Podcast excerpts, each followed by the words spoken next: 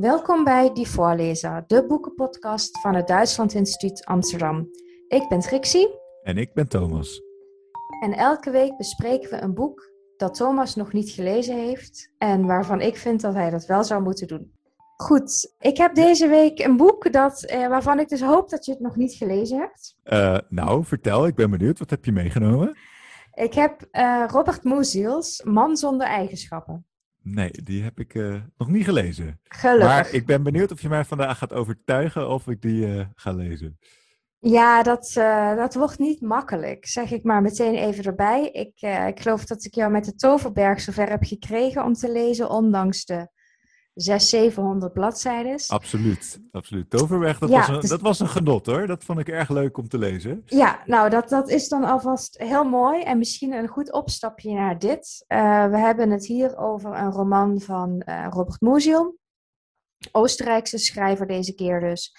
En uh, deze roman heeft meer dan duizend bladzijden. En eigenlijk zou je moeten zeggen, heeft hij ongeveer 2000 bladzijden. Als je de fragmenten meetelt die uh, in de tweede band worden meegegeven. Dus we hebben het over een boek van 2000 bladzijden eigenlijk. Oké, dus uh, wij gaan nu in een podcast van ongeveer uh, een half uurtje gaan wij een boek van 2000 bladzijden bespreken. Nou, ik ben heel benieuwd. Um, waar zullen we beginnen? Misschien is het een goed idee dat je mij eerst even uitlegt wie nou precies Robert Musil was. Ja, Robert Musil is, zoals gezegd, een Oostenrijkse auteur. We bespreken natuurlijk in deze boekenpodcast Duitsstalige boeken. Dus daar valt Robert Musil dan ook onder. Um, hij is in, uh, in de jaren 50 eigenlijk pas met dit werk heel erg beroemd geworden. Helemaal aan het begin van de 20e eeuw heeft hij een boek geschreven, die Verwirrungen des Zöglings Turles, misschien bij, uh, meer lezen, bij meer luisteraars bekend, omdat het een boek is dat uh, nog wel eens op scholen gelezen wordt. Um, en Robert Musil is een auteur die vaak in één adem genoemd wordt met andere klassieke modernistische auteurs zoals James Joyce, Marcel Proust, Virginia Woolf. Um, natuurlijk kennen we ook Thomas Mann, hè, ook een beetje een modernist. we kennen ook Kafka, Döblin van Berlin Alexanderplatz, Alfred Döblin. Maar Robert Musil is toch, als je het hebt over het Duitsstalige gebied, de belangrijkste modernist. En uh, daarom wilde ik hem vandaag uh, heel graag bespreken. Um, ook al is het dus een heel dik boek en ook al is het ook nog eens een boek dat niet af is. Hè, dus dat is natuurlijk een behoorlijk, uh, nou ja, kan frustrerend zijn. Dan heb je al die bladzijden doorgeploeterd en dan nou, heb je nog geen conclusie. Dat is natuurlijk een beetje jammer. maar toch ja, is het gewoon een enorm belangrijk boek geweest voor de hele Duitsstalige literatuurgeschiedenis. En gelukkig zitten er ook heel veel leuke dingen in. Dus dat, dat was ook een reden om hem mee te nemen. Nou, uh, dan ben ik heel benieuwd. Uh, maar voordat we het gaan hebben, gaan hebben over het belang en waarom het zo belangrijk is voor de Duitsstalige literatuur, misschien eerst even uh, voor mijn idee ook, uh, waar gaat het eigenlijk over? 2000 bladzijden, daar kan je veel in vertellen. Kun je mij een beetje meenemen in het verhaal en wat zo de hoofdpersonen ook zijn? Ja, um, we hebben te maken met uh, iemand die Ulrich heet. En Ulrich, zou je kunnen zeggen, wordt soms in de, in de literatuur ook wel een alter ego van Robert Musil zelf genoemd. Dus we hebben ook wel wat uh, autobiografische elementen in dit boek. Uh, Musil zelf, misschien wel goed om even te vertellen, heeft ook een gevarieerde carrière. Hij is eerst naar de militaire academie gegaan. Hij wilde officier worden. Uh, daarna is hij uh, toch werktuigbouwkundige geworden. Hij uh, hield in zijn, in zijn vrije tijd hield hij zich graag bezig met, met fietsen en met sport, met andere sporten, met tennissen en, en schermen. En uiteindelijk wordt hij dus schrijver. Dus je zou kunnen zeggen, wauw, wat een divers personage en, en wat een divers persoon. En dat is dus zijn personage Ulrich ook. Dus dat zijn autobiografische elementen. Um, Robert Musil zelf uh, promoveert uiteindelijk op Ernst Mach. Dan is hij al ook schrijver van literatuur. En ook uh, Ulrich, het hoofdpersonage, die dus ook de man zonder eigenschappen is, heeft deze diversiteit in zich. Ehm, daarnaast zijn er wat andere autobiografische elementen, bijvoorbeeld de rol van de vader van Ulrich. En die wil ik dan meteen als tweede personage noemen. Die uh, schrijft aan het begin van de roman een brief aan Ulrich waarin die uitlegt van nou, jij moet maar eens gewoon normaal doen. Jij moet maar eens gewoon je, uh, je vak uitoefenen en, uh, en een carrière opbouwen. En dat is iets dat, dat Ulrich eigenlijk weigert. En daar zijn wij in die roman getuigen van. En hij wordt door verschillende personen bij allerlei actiecomité's bijvoorbeeld betrokken bij de zogenaamde parallelactie. Een actie die uh, in, uh, Oostenrijk-Hongarije op touw wordt gezet. Uh, daar gaan we het zo nog wel even over hebben. Het gaat dus over ehm, de Oostenrijk-Hongarije, daar speelt het. en hij wordt door allerlei vrouwen in relaties betrokken, maar hij legt zich steeds nergens op vast. En dat is in principe de, de crux van deze hele roman. Het is als het ware een gedachte-experiment van hoe kan je uh, zo um, vrij mogelijk, ja, zo vrij mogelijk door het leven gaan. Ik denk dat dat uh, een, een, een, goede karakterisering is. En nou ja, je kan je voorstellen, in die 2000 bladzijden ontmoeten we allerlei personages. Hè? Dus naast Ulrich hebben we um, bijvoorbeeld Walter en Clarisse. Uh, Walter is een jeugdvriend van Ulrich. En Clarisse is, haar, is zijn uh, geliefde, maar wil eigenlijk heel graag een kind van Ulrich, omdat zij in hem de intellectueel zo bewondert. Um, we hebben een, een, een leuk personage, een generaal, die heel mooi tegenover Ulrich komt te staan. Uh, we hebben uiteindelijk de zus van Ulrich, die, uh, waar hij een liefdesrelatie mee ontwikkelt. Meer aan het einde van de roman is dat. Um, dus zo zijn er allerlei constellaties gedurende die 2000, of ja, moet ik zeggen, duizend pagina's, want de rest is fragmenten. En een van die constellaties waar hij eigenlijk via via uh, terechtkomt, is uh, misschien wel leuk om even te vertellen. Dat is ook het begin van het boek. Uh, heel spannend om te lezen, omdat het ook een soort handleiding is van hoe je niet moet vergaderen. Een van die constellaties is de zogenaamde parallelactie. De parallelactie is een, clubje mensen, een actiegroep zou je dus zeker kunnen zeggen. Uh, en wat moeten ze organiseren? Nou, een jubileumsviering voor de keizer. En uh, dus hè, voor, voor Frans Jozef, en die, uh, dat gaat dan om het 70ste troonjubileum. En waarom heet die parallelactie? Omdat er ook een jubileum voor de Duitse keizer Willem II georganiseerd wordt. Parallel daaraan moeten zij dus een fantastische actie voor Frans Jozef organiseren. Nou, en je kan je voorstellen hoe dat gaat. Het zo'n club, daar zitten allerlei verschillende mensen in. Bijvoorbeeld ook een dokter Arnheim, die heel zakelijk is. De, de initiator, meneer Graaf van Leinsdorf, die wil juist een fantastisch idee ontwikkelen. Nou, dan heb je iemand die het Diotima, die probeert een beetje de boel bij elkaar te houden. Dan vragen ze het volk nog. En het volk heeft ook honderden ideeën. Hè? Dus er is op geen enkele manier een eenheid um, ja, ontstaat daar. En uh, Ulrich observeert dat allemaal. En uh, die parallel, parallelactie is chaotisch. En Ulrich ziet ook van, oh ja, als de een, als de een dit zegt, dan uh, zegt de ander precies het tegenovergestelde. Dus het is heel moeilijk om die eenheid te creëren. En met Ulrich zijn we eigenlijk getuigen van deze ja, deze interessante constellatie. En Ulrich beweegt daar eigenlijk als man zonder eigenschappen tussen, tussen die personen. Maar de, de rode draad, die is heel moeilijk te ontdekken. Hè? De enige rode draad die je zou kunnen ontdekken is dat Ulrich als het ware experimenteel, proberend, essayistisch door het leven gaat. En dat zien we ook in de vorm van de roman terug uh, wat er gebeurt en al die personen en die gesprekken die die personen hebben, die um, worden afgewisseld door essayistische reflecties uh, vanuit een verteller. Dus we hebben ook een onderbreking in de, in de romanstructuur. Dus dat is denk ik in het kort wat, waar deze roman over gaat.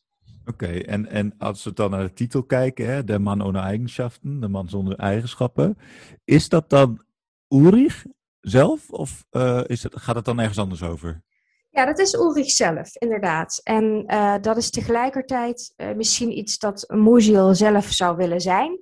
Maar het is vooral een romanpersonage dat uh, is opgebouwd uit verschillende elementen. En een personage dat dus heel goed in staat is om die verschillende elementen in zichzelf te verenigen. Um, het, het, het ik bij Musil, bij die, deze man zonder eigenschappen, heeft dus geen vaste identiteit. Nou, dat is een typisch iets wat we kennen uit het modernisme. Hè? De, de, de vastomlijnde persoonlijkheid wordt betwijfeld, want er zijn allerlei krachten en situaties om ons heen die ons beïnvloeden. Uh, dus er is geen eenheid van het klassieke subject. Um, wat we bijvoorbeeld in de Duitse literatuur hè, bij Goethe zien, uh, in de, in de beeldingsroman, word je door alles wat je meemaakt en de keuzes die je maakt, word je een persoon. Hè? uiteindelijk ontdek je dat jij als subject een organisch geheel bent en vind je jouw plek in de wereld. En daar blijf je dan ook als het ware staan en daar wortel je, et cetera. En bij Ulrich uh, gebeurt dat juist niet, maar dat is geen, uh, geen zwaktebod. Want hij wil zich ook niet vastleggen aan die. Hij wil zich niet opknopen, zou je kunnen zeggen, aan de werkelijkheid. Hij is wel in die werkelijkheid. Hij, hij ontmoet mensen, hij loopt over straat. Hij heeft ook een huis. Maar het huis is zelf al een soort vreemde collage.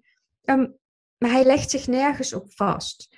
En hij zegt ook op een gegeven moment tegen een van zijn uh, vertrouwelingen, zegt hij, het is, het is mijn overtuiging dat het denken een instituut op zichzelf is. En het werkelijke leven is een ander instituut. En hij zegt ook dat, het, dat zijn denkvermogen eigenlijk ja, misschien wel te goed is voor deze wereld. Hij wil zich ook niet vastleggen omdat hij het werkelijke leven misschien te beperkend en misschien ook wel te saai, misschien te burgerlijk of in ieder geval te beklemmend vindt. Hij wil in zijn hoofd in ieder geval alle kanten op kunnen en dat probeert hij ook in de praktijk te brengen. Dat maakt hem best wel een moeilijk persoon met allerlei ook wel ja, affaires bijvoorbeeld. En hij vindt het soms ook wel prettig om wat ruzie te maken, hè, om mensen een beetje uit de tent te lokken. Een beetje irritant kan die zijn. Dus hij, hij zoekt de beweging, zou je kunnen zeggen. Eh, en als je die, die eigenschappen, hè, waar het dan over gaat, of het gebrek aan eigenschappen, uh, hoe zou je die dan definiëren? Wat zijn dan de, de, de belangrijkste eigenschappen waarover gesproken wordt? Ja, dus je vraagt eigenlijk, wat zijn de eigenschappen van een man zonder eigenschappen? Ja, ja, ja. ja want ja, als je het hebt over uh, geen eigenschappen, zonder eigenschappen, wat zijn dan die eigenschappen? Uh, nou, kijk, andere mensen hebben eigenschappen. Dat ja. is uh, bijvoorbeeld, ik noemde hem net al, generaal Stom van Bordweer. Nou, dat is dus een generaal en die vindt het dus heel belangrijk dat de dingen in een bepaalde volgorde gebeuren. En dat we praktisch blijven als we dingen willen uitvoeren. En uh, dat we niet te veel met ideeën bezig zijn. Generaal Stom zegt bijvoorbeeld: Nou, als je te lang met ideeën bezig bent, krijg je overal jeuk. Uh, hè, dus dat is nou het typische voorbeeld van iemand die wel eigenschappen heeft en die bepaalde dingen wil afmaken, wil creëren, wil neerzetten en dan naar, door wil naar het volgende. Dat wordt door um, Robert Musil een zogenaamde werkelijkheidsmens genoemd. Dat is iemand, hè, die heb je ook nodig in de wereld, die staat met beide benen op de grond. En af en toe zet hij een stap, maar dan staat hij weer met twee benen op de grond. En uh, Robert Muziels Ulrich is een mogelijkheidsmens, een möglichkeitsmens. Iemand die juist altijd denkt van oké, het kan ook anders, laten we het dus anders proberen. En in die zin botst hij dus heel vaak met de mensen die wel eigenschappen hebben. En uh, zijn vader is daar eigenlijk een heel belangrijk voorbeeld van. Dat is dan meteen ook volgens velen een belangrijk autobiografisch element. Er zit aan het begin van de roman een brief van de vader aan Ulrich. En dat zou zo ook een brief van Muziels vader kunnen zijn. Hè? Dus daar zien we al de eerste botsing met het gewone leven. Ja, je kent het wel. Je, je vader of je ouders hebben bepaalde verwachtingen. Willen dat je hè, uh, een carrière opbouwt, dat je goed voor jezelf kan zorgen, dat je een huis kan kopen. En Ulrich uh, gaat daar niet in mee. Ulrich wil steeds weer iets anders. Hij is, je zou, als je hem een eigenschap zou moeten toedichten, zou je hem wispelturig kunnen noemen. Of irriterend. Of um, ook wel analytisch, scherpzinnig. Maar is het dan ook een, is het dan ook een lanterfanter of dat, of dat juist niet? Ja, dat is een goede vraag. Is het een lanterfanter? We hadden het net al uh, kort even over Hans Kastorp's uh, Tovelberg. Uh, Hans Kastorp is natuurlijk ook iemand die graag intellectueel bezig is en zich graag met ideeën bezighoudt en niet zo met de praktijk. Ehm, Robert Moezels Ulrich is niet per se een lanterfanter, want hij, hij kiest er heel bewust voor om die man zonder eigenschappen te zijn, hoewel dat niet per se zijn woorden zijn, maar hij kiest voor dat denken in mogelijkheden en voor dat steeds nieuwe constellaties aangaan en uh, steeds tijdelijk ergens bij betrokken zijn en dan even zijn licht daarop laten schijnen, de vinger op de zere plek te leggen en dan weer te vertrekken. Hij is niet in staat tot, uh, tot constructieve relaties, maar zijn waarde ligt ergens anders. Hè? Dus het is niet iemand die volledig um, zonder nut door het leven gaat, maar je zou wel kunnen zeggen zonder doel. Dus die doelloosheid die zit er wel in, maar hij, hij heeft wel degelijk nuttige uh, inzichten, laat ik het zo zeggen. Ja. En dat, dat doel, ja, doelloosheid is misschien ook al wel een doel op zichzelf. Hè? Dat zou natuurlijk ook kunnen. Um, maar je had het dus over dat ontwikkelen, uh, dat steeds weer nieuwe dingen, uh, niet ergens op vastpinnen. Ja. Uh, ja, voortdurend op zoek zijn naar iets nieuws. Um, zou je niet ook kunnen zeggen dat hij zichzelf daar een beetje ook als mens ontwikkelt? Ja, hij is uh, inderdaad um, vaak ook sceptisch en uh, wat ironisch en wat cynisch. Um, en dat is inderdaad een, een bijna een, een methodische aanpak. En daar zit ook wel degelijk een ontwikkeling in. Dus hij is niet alleen maar aan het, uh, aan het bekritiseren en niet alleen maar die vinger op die zere plek aan het leggen, maar hij is wel degelijk bezig met een utopisch mm, hoe moet ik het zeggen, een utopische manier van bestaan. Uh, doordat hij zo afstandelijk is hè, ten opzichte van die gewone werkelijkheid, ten opzichte van die werkelijkheidsmensen die zich vastleggen in volgordes en in protocollen, uh, kan hij uh, ruimte laten ontstaan voor utopische verandering. En dat zien we ook in de roman zelf, doordat de roman als vorm zich niet vastlegt aan het protocol van de romanschrijver, namelijk je hebt een begin en je hebt een eind en je hebt een ontwikkeling, je hebt een personage en het personage wordt iets. En dan is het iets geworden en dan is het afgelopen. Hè? Um, nee, de modernisten die spelen natuurlijk met dat, uh, met dat romanprotocol en creëren ruimte voor een andere vertelvorm. Dus het, het, het, grote verhaal, uh, dat vervalt als het ware. Maar daardoor ontstaan er allerlei leuke kleine gedachten en essayistische aanzetten en eh, fragmenten die de moeite waard zijn. Um, en in het leven verlangen we ook, zegt Ulrich op een gegeven moment, in het leven verlangen we naar een vertelorde. Maar die vertelorde die kan natuurlijk ook een beperking zijn. Dus de meeste mensen, zegt hij ergens, zijn in hun verhouding tot zichzelf in feite vertellers. En um, hij zegt over zichzelf dat hij het gevoel heeft dat hij dit epische, dit primitief epische van ik moet een verhaal zijn met een begin en een eind, dat is die kwijtgeraakt. Hij heeft niet meer dat, uh, dat epische. Hij is een uh, fragmentarisch iemand. Hij is een man zonder eigenschappen. En eigenlijk zou je kunnen zeggen, is hij niet een man zonder eigenschappen, maar is die eigenschappen zonder man. dus dat wordt ook ergens in een roman gezegd van ja, hij is eigenlijk van alles. Maar hij is in ieder geval niet die ene die volgens een patroon door het leven gaat en van daaruit zijn verhaal neerzet, zijn grote verhaal. Wat, wat mij altijd interesseert bij een boek, en, en ook uh, ja, over het algemeen, is uh, door het roman dan te plaatsen in een bepaalde tijd. Uh, kan je daar iets meer over vertellen? Kan je iets zeggen over wanneer deze roman gepubliceerd is. Ja, dat is een, uh, een worsteling geweest voor uh, Robert Moschel. Dus dat is misschien voor jou als toekomstig lezer fijn om te weten. Het is niet alleen een moeilijk boek om te lezen. Het was ook een heel moeilijk boek om te schrijven. Okay. Uh, Robert Moschel is er in de jaren twintig mee begonnen. En hij is in 1942 overleden. En het was toen niet af. Het boek was dus niet af. En um, het is geëindigd in fragmenten. Uh, dat uh, waren twee kisten vol manuscripten en zijn vrouw heeft die moeten ordenen uh, samen met een uitgever. En toen is er nog wel hè, een publicatie van gekomen. Maar dat is de geschiedenis van de roman in het kort. waar het over gaat is het zogenaamde Kakanië, de keizerlijke en koninklijke monarchie. De, de Oostenrijks-Hongaarse dubbelmonarchie. En uh, Robert Musil noemt dat dan ook Kakanië. En daar hoor je al het uh, gekakel in. En de, de innerlijke strijd die daarin zit. Want Kakanië gaat natuurlijk met het begin van de Eerste Wereldoorlog ten onder. dus je ziet eigenlijk, als je denkt aan Kakanië, uh, zegt de verteller, dan, dan zie je in je herinnering die brede, welvarende wegen voor je. Uh, de, de mooie uniformen bijvoorbeeld zie je, het, uh, het, het, uh, de slingerende wegen, de mooie landschappen, et cetera. Maar dat die, die goed geconstrueerde, goed geordende wereld, die valt uit elkaar. En um, Ulrich is betrokken bij nog een laatste viering van uh, Kakanië voordat het Rijk in verval raakt. En eigenlijk loopt hij als het ware met zijn persoonlijkheid, met zijn deconstructiegeest, loopt hij op die zaken vooruit.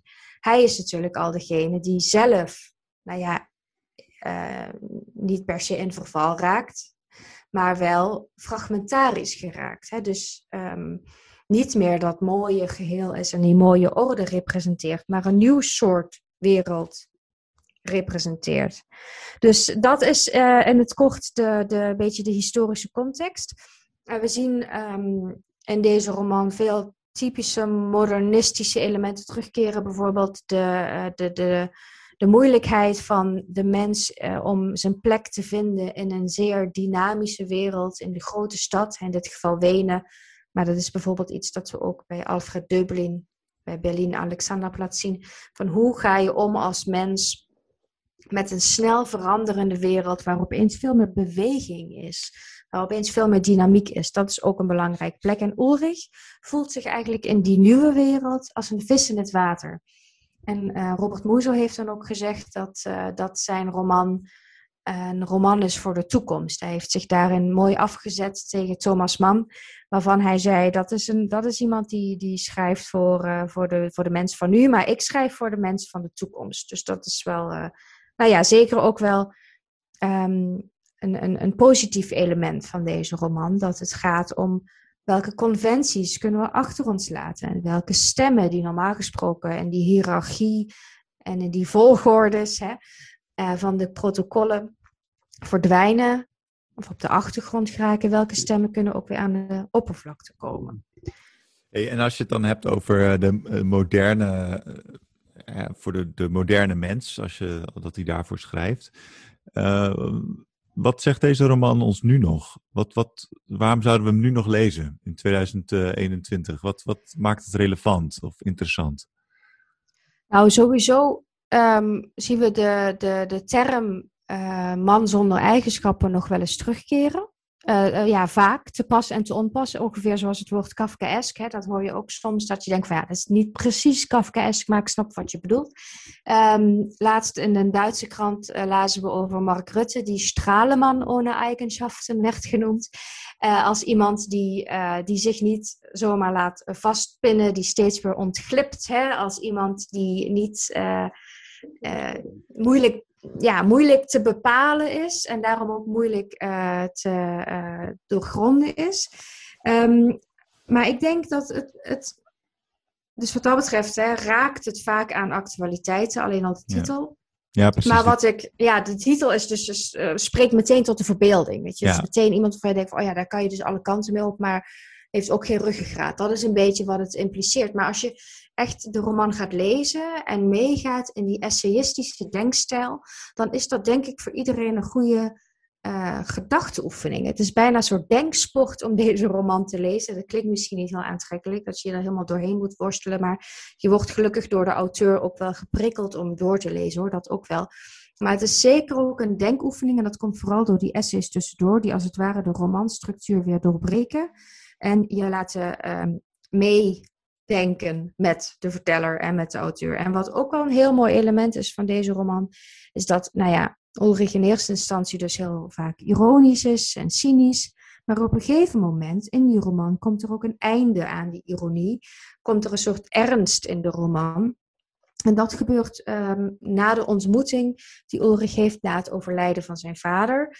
Zijn ontmoeting met zijn zus, met zijn zus Agathe. En die ontmoeting is een, uh, vanuit daar ontstaat een um, beweging weg van die ironie, ook al was die ironie soms ook constructief hè, en heel nuttig, weg van die ironie naar een utopie. Dus van het via dat denken in, in, mogelijkheden en je niet willen, beper, willen laten beperken, um, kan hij, Ulrich, nieuwe verbanden leggen. Kan die een, een relatie opbouwen met zijn zus die onconventioneel is, om het zo te zeggen. En die ook uiteindelijk niet duurzaam is. Hè? Want die relatie met zijn zus, die, nou ja, die is niet echt uitvoerbaar. Dat is niet legitiem om die te praktiseren. En die eindigt dus ook in fragmenten in de roman. Maar toch is daar, zit daar een utopisch idee opeens in die roman. Wat is dat utopisch idee? Dat is dus een idee van een harmonie. Een harmonie van tegenstellingen die je opeens met elkaar kan verbinden. En dat, is, dat vind ik wel een heel mooi element van deze roman. Hè? Dus, dus uh, uh, een complexe roman, maar uiteindelijk toch wel met een heel simpel, ja, een heel simpele doelstelling misschien, als ik het zo mag zeggen. De tegenstelling tussen uh, nuchterheid of tussen verstand en gevoel met elkaar verbinden. De tegenstelling tussen, ergens heet het ziel dus het emotionele binnenleven, ziel en precisie, dus nauwkeurigheid met elkaar verbinden. Um, en uh, dat, dat raakt aan het eind van de roman, uh, krijgt dat aspect steeds dat mogelijkheidsdenken van het essayistische denken en het steeds weer nieuwe verbanden leggen. Ja, vindt Ulrich toch wel een beetje zijn plek. Hè? Dus zoekt hij een, een, toch wel iets dat vaststaat. Ja. Oké, dus daar, zeg maar in die harmonie. Ja. En uh, je, je zegt naar het einde toe van de roman, en je gaf net ook al aan, uh, er is niet echt een einde, er, er zit niet echt een vast einde aan. Uh, het gaat over in allemaal essays en fragmenten. Ja. Uh, je gaf ook al aan, het is autobiografisch, er zitten autobiografische elementen in, om het uh, precies te zeggen. Ehm, hoe loopt het eigenlijk met Moezel af? Ja, um, Moeziel die, uh, die sterft en kan dus in die zin het, het boek niet, uh, niet afmaken. Dus daarmee weten we ook niet hoe het met Ulrich zou af, aflopen. En dat is natuurlijk een spanning tussen ja, fictie en realiteit. Hè? In het echt hebben we natuurlijk alsnog dat fysieke lichaam dat er op een dag vroeg of laat mee ophoudt. En uh, Ulrich blijft als het ware uh, leven doordat wij niet weten hoe het met Ulrich afloopt. Dus daar zien we wel een, ja, um, als lezer zitten we daar maar mee. Hè? Zijn we met deze materie zitten we opgescheept, als het ware. En kunnen we eigenlijk zelf essayistisch verder denken van, goh, hoe zou het nou aflopen met Ulrich? Wat, uh, wat is dan nu die nieuwe mens? Hoe kunnen wij tegenstellingen met elkaar verbinden? Wat een heel interessant aspect is in deze roman is de rechtspraak. Er is op een gegeven moment een recht, uh, rechtszaak gaande tegen um, een misdadiger. En uh, daar zit Ulrich heel erg mee in zijn, in zijn maag. Met het verschil tussen goed en kwaad. Aan de ene kant wil hij op zoek naar een wat meer uh, flexibele moraal. Morele beginselen zijn onbruikbaar geworden. En er zijn dus heel veel aspecten die in de roman eigenlijk net niet tot een conclusie komen, net niet af zijn. En we worden met allerlei kwesties geconfronteerd, waar zeker Robert Musil zelf ook mee zat. Maar wij worden daarmee um, achtergelaten als lezer. En um, we vinden als het ware met het lezen van dat, dat is in ieder geval wat de roman ons niet, eh, wat Robert Moesel ons niet kon geven. Geen conclusie, geen eindstreep. En nou ja, zelf uiteindelijk is die via um, is die, is die in, uh, in, in Zwitserland, uh, Zwitserland overleden in 19 42, als ik het goed heb. Dus uh, dat, dat is het einde van, uh, van de roman. Dat is het einde van het leven van Moesel en daarmee eigenlijk ook het einde van de roman. Ja, ja en, en, en Ulrich zelf, hè, die wordt tijdens de roman wel een paar jaar ouder, maar, maar niet, um, ja, het einde van zijn leven maken we niet mee.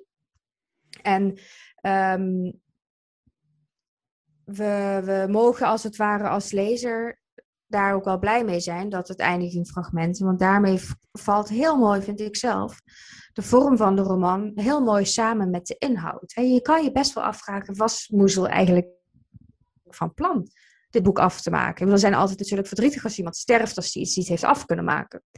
Maar misschien wilde hij dit helemaal niet afmaken. Misschien was die, hè, die, die, die, die twee kratten met manuscripten, misschien was dat de manier om deze roman aan de wereld over te laten. Met van zoek het maar uit. Dat is eigenlijk wat Robert Moziel zegt.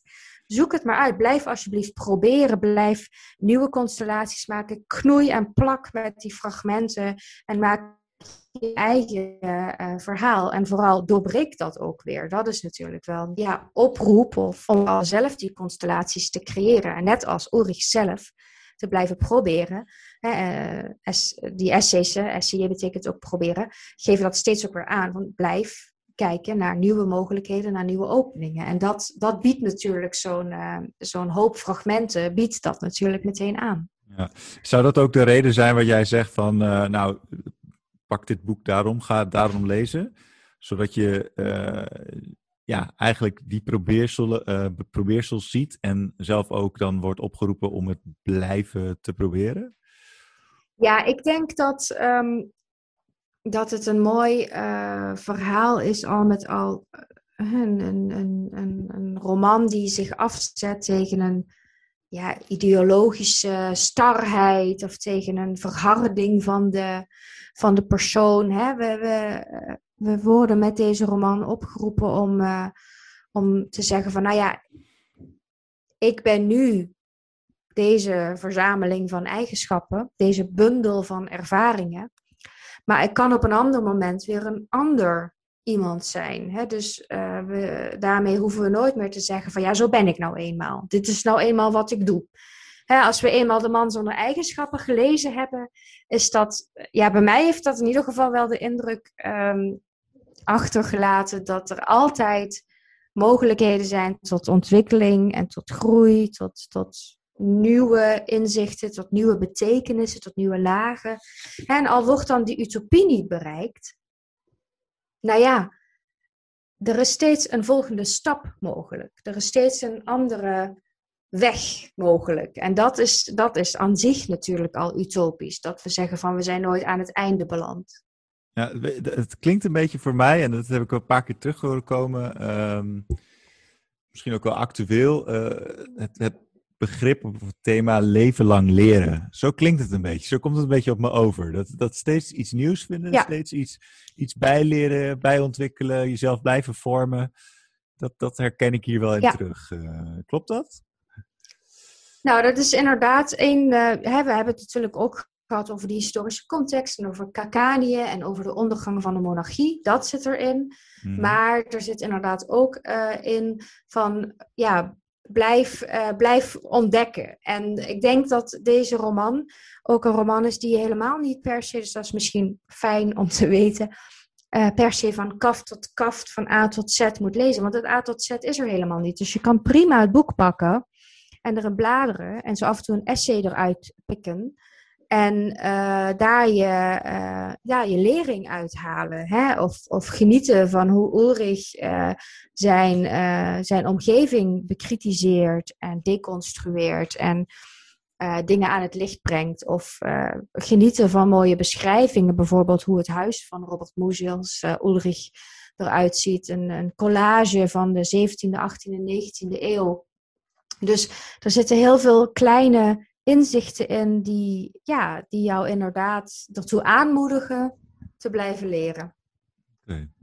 Ja, ik, ik denk dat we wel tot een, tot een slot kunnen komen. Um, ja, je hebt me wel aan het denken gezet. En ik denk, ik denk dat het boek dit ook zeker gaat doen. Ja. Uh, dus ik, ik zit er wel over te, wegen, uh, te overwegen om het uh, daadwerkelijk ja, te gaan lezen. Ik vind het wel, je hebt me wel weten te motiveren, weten aan te sporen om om in ieder geval ook uh, stukken eruit te gaan pakken. En oh ja, ja, dat is heel mooi. aan de slag te gaan. Ja, dat is heel mooi. En daarmee zit je in een goede Duitse traditie van mensen die het boek in de kast hebben staan en er af en toe eens in kijken, maar er nog niet helemaal aan toe zijn om het echt van kaf tot kaf te lezen. Maar dat hoeft dus ook niet. Dat, nee, uh, dat denk ik wel. En, en het is natuurlijk altijd mooi om te kunnen refereren aan, uh, aan de man zonder eigenschappen. Absoluut. Het klinkt altijd goed. Ja, ja, precies. Daar kom je, kom je goed mee, mee aan. Nou ja, mooi. Um, wil je nog iets toevoegen? Een soort slotwoord? Wil je nog iets meegeven? Wat, uh, wat wij, wat ik per se moet weten, wat de luisteraars per se moeten weten over, uh, over dit boek? Um, even kijken. Um, ja, wat we nog niet hebben genoemd is dat uiteindelijk dus die, die liefde tussen Ulrich en Agathe, dat dat uh, de andere toestand wordt genoemd. En dat is wel een heel mooi uh, begrip nog om eventjes nog, uh, nog erin te gooien. De andere toestand is dus de toestand waarmee wij ons kortstondig kunnen afschermen van de alledaagse werkelijkheid, maar die ons juist weer als het ware voedt om um, weer meer liefdevoller naar de wereld om ons heen te kijken. Dus dat is misschien nog wel mooi. Oké, okay, dus de andere toestand. Ja. ja goed. Uh, wat, ik, wat ik dan wel, hè, als ik dan toch daar nog even iets over mag zeggen, wat je mij nu een beetje hebt verteld over dus die, die relatie met zijn zus. Ja, het is toch wel weer bijzonder, hè? Het is gewoon weer dat, ja, uh, het... dat dan dat uh, nou net weer in zo'n boek naar voren moet komen. Ja, en dat, dat klopt natuurlijk niet. En het is ook een vreemde relatie die hij heeft uh, met zijn zus, omdat die zus ook wel heel erg op hem lijkt. Dus het is bijna een soort spiegeling. En ook dat is misschien veel meer een gedachte-experiment, zoeken naar vormen, dan dat het daadwerkelijk een incestueuze relatie zou zijn. Uh, het is veel meer een um, kijken van welke andere soort relaties zijn er mogelijk dan de klassieke relaties die we kennen, die... Uh, die gebruikelijk zijn. Klinkt dan een beetje ook narcistisch, zeg maar. Je wordt dan niet verliefd op jezelf, maar verliefd op, uh, op dan je tweelingzus. Uh, uh, omdat die zoveel op jou lijkt. Absoluut. Daar zit zeker ook een heel problematisch aspect in. Hè? Dat heeft iets antisociaals. Je herkent vooral jezelf in die ander. Uh, maar tegelijkertijd is daar een verlangen naar een dubbelganger. De verlangen, het verlangen naar die zielsverwant naar iets dat, dat buiten ons is, maar dat toch met ons verenigd kan worden. En dat is weer die zoektocht naar die eenheid van dingen die tegengesteld zijn. Dus um, het is allebei. Het is en die liefde voor een ander, maar ook dat herkennen van jezelf in die ander. Dus dat, dat lijkt een beetje problematisch, antisociaal, narcistisch. Maar dat is toch ook het, uh, het verlangen naar die, um, naar dat aankomen, hè, dat, dat, dat her, jezelf kunnen herkennen in een ander. Okay. Goed. Uh, ja, Trixie, bedankt. Nou, heel graag gedaan. Ja, ik, uh, ik heb echt weer heel veel om over na te denken. Ik, uh, ik heb ook weer wat om te lezen. Hartstikke leuk. En ja, ik ben benieuwd waar je volgende keer mee komt. Ja, dat houden we nog even in het midden. Oké. Okay. Doeg.